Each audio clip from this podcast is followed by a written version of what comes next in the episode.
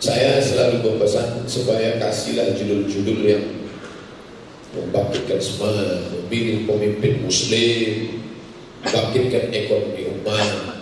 Dulu pernah di Jakarta mereka kasih judul hadis-hadis menjelang Nabi Muhammad meninggal. Satu jam itu isinya menangis saja. Nah, jadi ini pelajaran akan datang panitia kasihlah judulnya memilih calon DPR.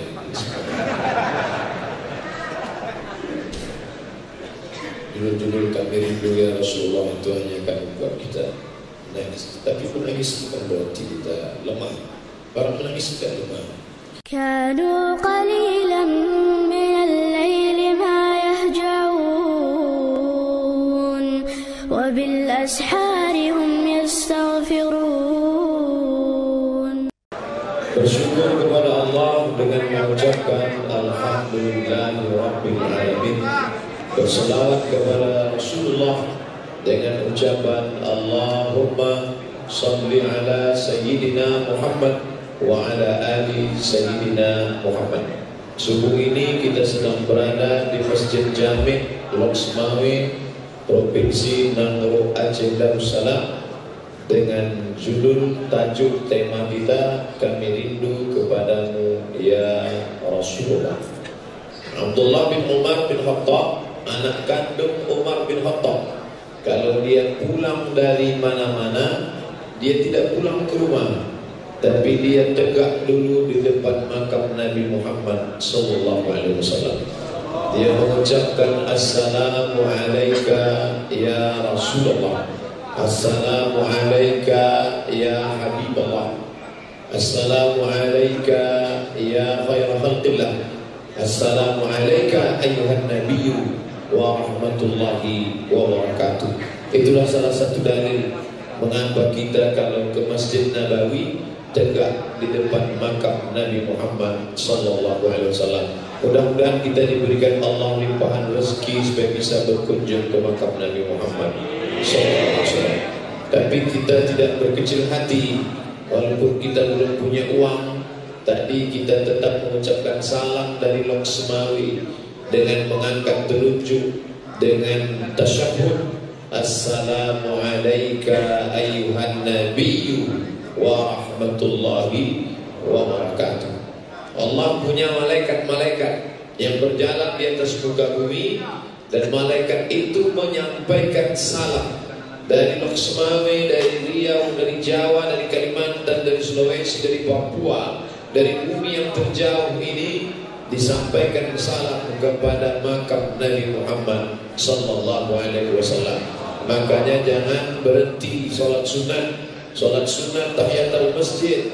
Assalamu alayka ayuhan nabiyyu wa rahmatullahi wa barakatuh. Sholat sunat qabliyah subuh.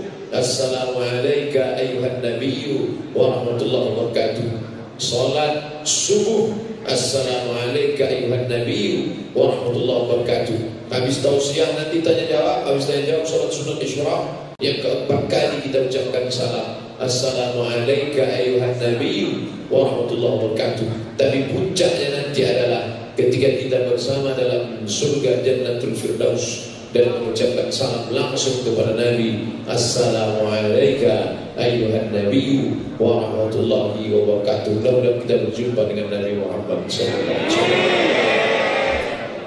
Begitu sampai berita kenabian meninggal Nabi ke telinga Umar bin Khattab maka Umar bin Khattab mencabut pedangnya siapa yang mengatakan Muhammad sudah mati meninggal dunia akan aku pancung kepalanya kata Umar siapa yang berani mengatakan dia meninggal?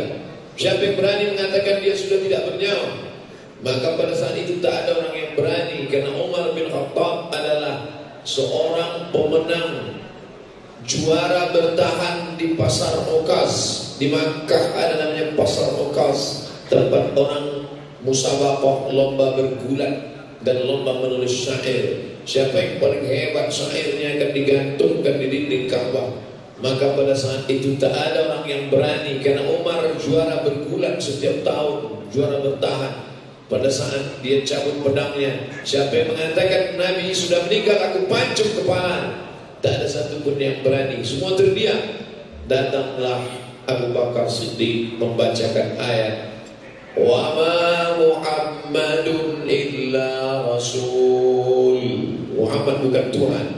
Dia seorang rasul.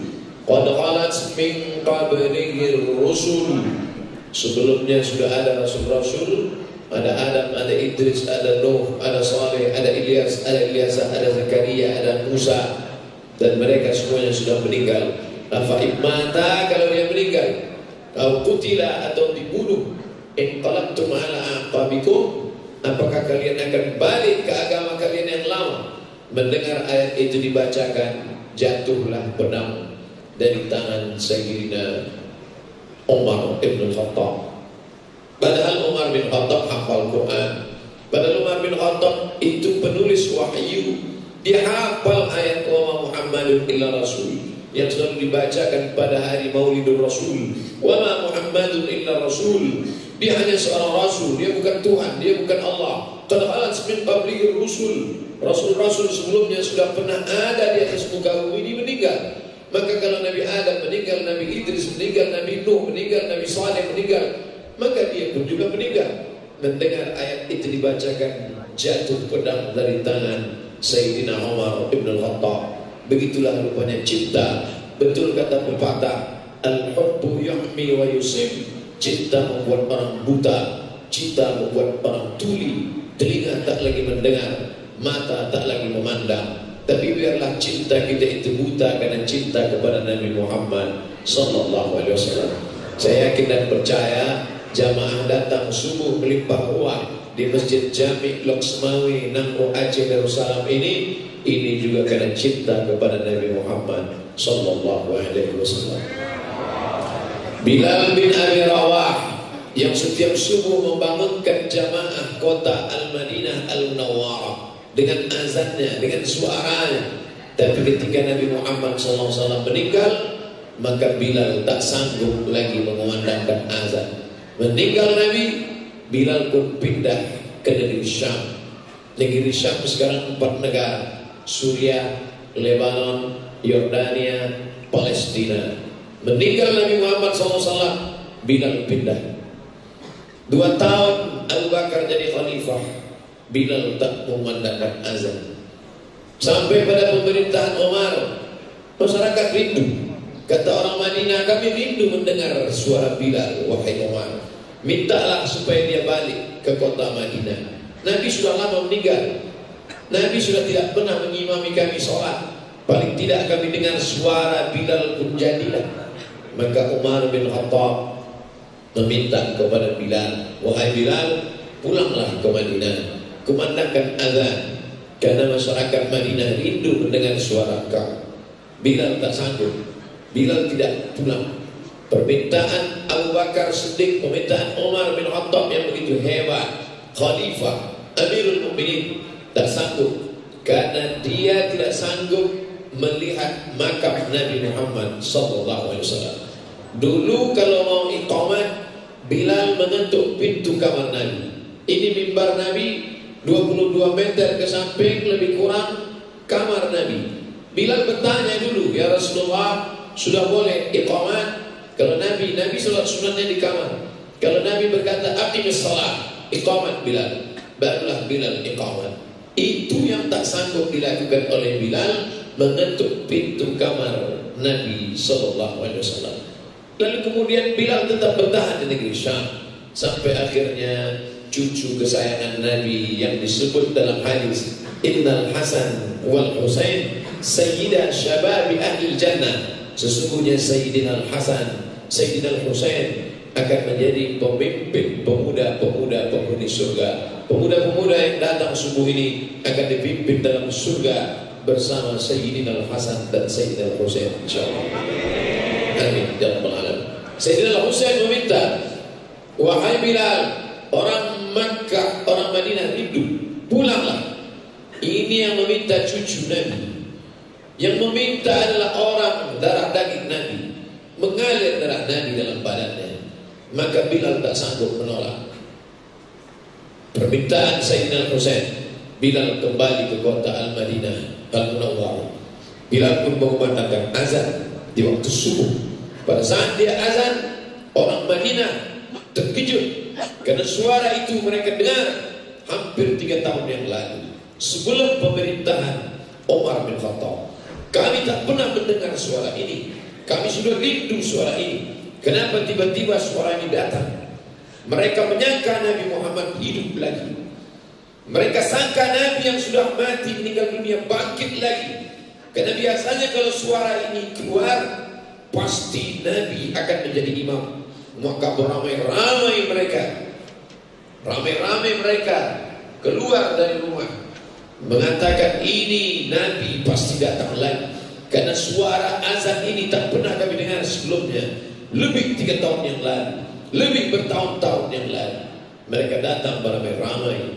Ingin menyaksikan Nabi Muhammad SAW. Azan Bilal tak sampai di ujung. Karena dia pun tak mampu mengenal Nabi Muhammad sallallahu alaihi wasallam. Saya selalu berpesan supaya kasihlah judul-judul yang membangkitkan semangat, memilih pemimpin muslim, bangkitkan ekonomi umat.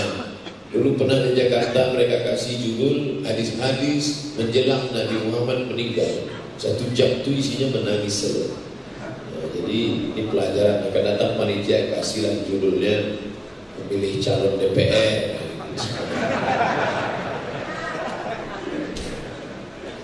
Judul-judul kami rindu ya Rasulullah itu hanya akan membuat kita menangis. Tapi menangis bukan berarti kita lemah. Para menangis tidak lemah. Kerinduan kepada Nabi SAW kita wujudkan dalam bentuk yang lebih kuat. Kerinduan kepada Nabi dengan membangkitkan semangat anak-anak muda. Kerinduan kepada Nabi kita bangkitkan dengan membangkitkan syiar Islam. Orang Loksemawi rindu kepada Nabi. Tapi bukan sekedar meneteskan air mata, tapi mereka sholat melimpah ruang. Entah orangnya banyak atau masjidnya kecil. Tapi yang jelas beginilah kecintaan orang Aceh kepada Nabi Muhammad sallallahu alaihi wasallam. Sehingga kalau sudah disebut kata Aceh tak ada yang tak Islam. Kalau disebut kata Melayu masih ada yang tak Islam.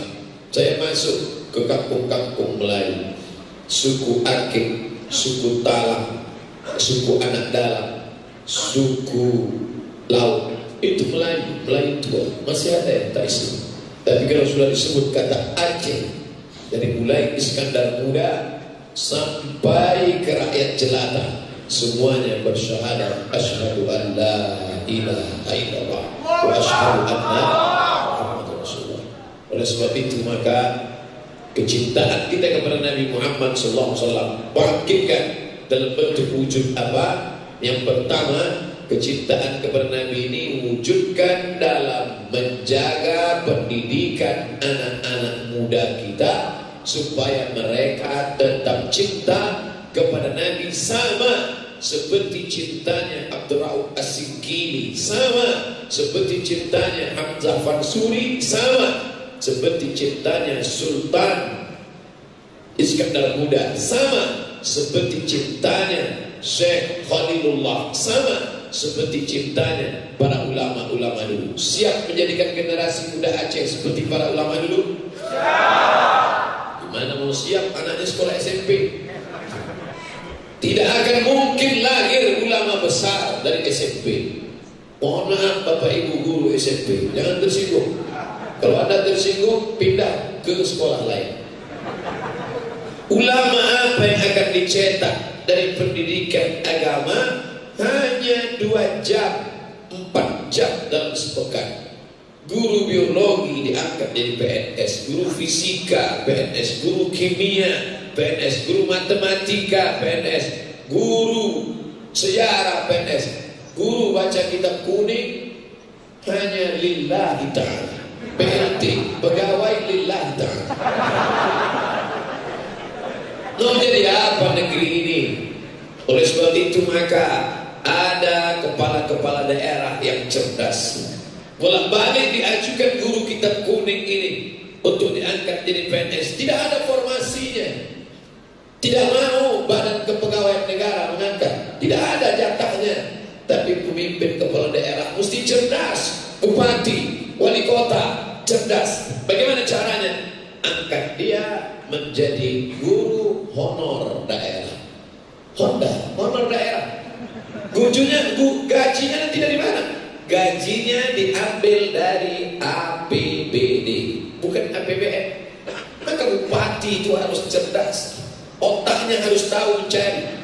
Jangan tahu dia cuman gimana Pak Bupati, gimana Pak Wali, bisa kita tambah guru fisika ini Jangan hanya kepala anak kita ini isinya fisika, biologi, kimia, matematika, bahasa Inggris, sejarah. Tapi dalam kepalanya ada tauhid Dasuki ala umil barahin Al-Usulul Hamidiyah.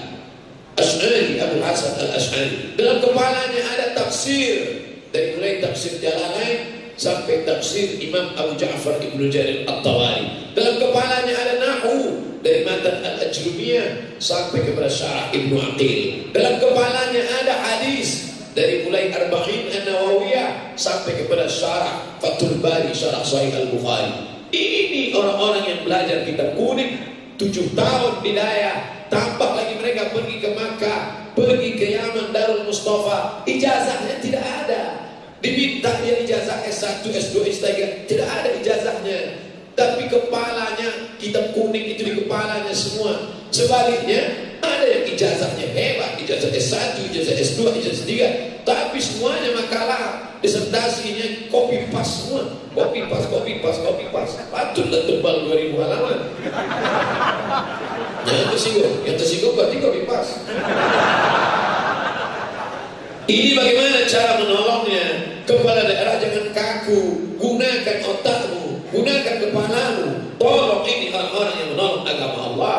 Makanya kalau ada orang berkata, Ustaz Somad, Bupati kami hebat. Apa hebatnya? Rajin puasa Senin Kamis. Bupati kami hebat. Apa hebatnya? Rajin sholat duha. Bupati kami hebat. Apa hebatnya? Rajin dia sholat tahajud. Itu bukan amal bupati. Itu bukan amal wali kota. Itu bukan amal camat gubernur. Itu amal manusia biasa. Semua bisa sholat tahajud. Semua bisa puasa Senin Kamis. Amal engkau sebagai kepala daerah adalah tolong agama Allah dengan kekuasaanmu. Takbir. Jangan lupa subscribe, like, and share.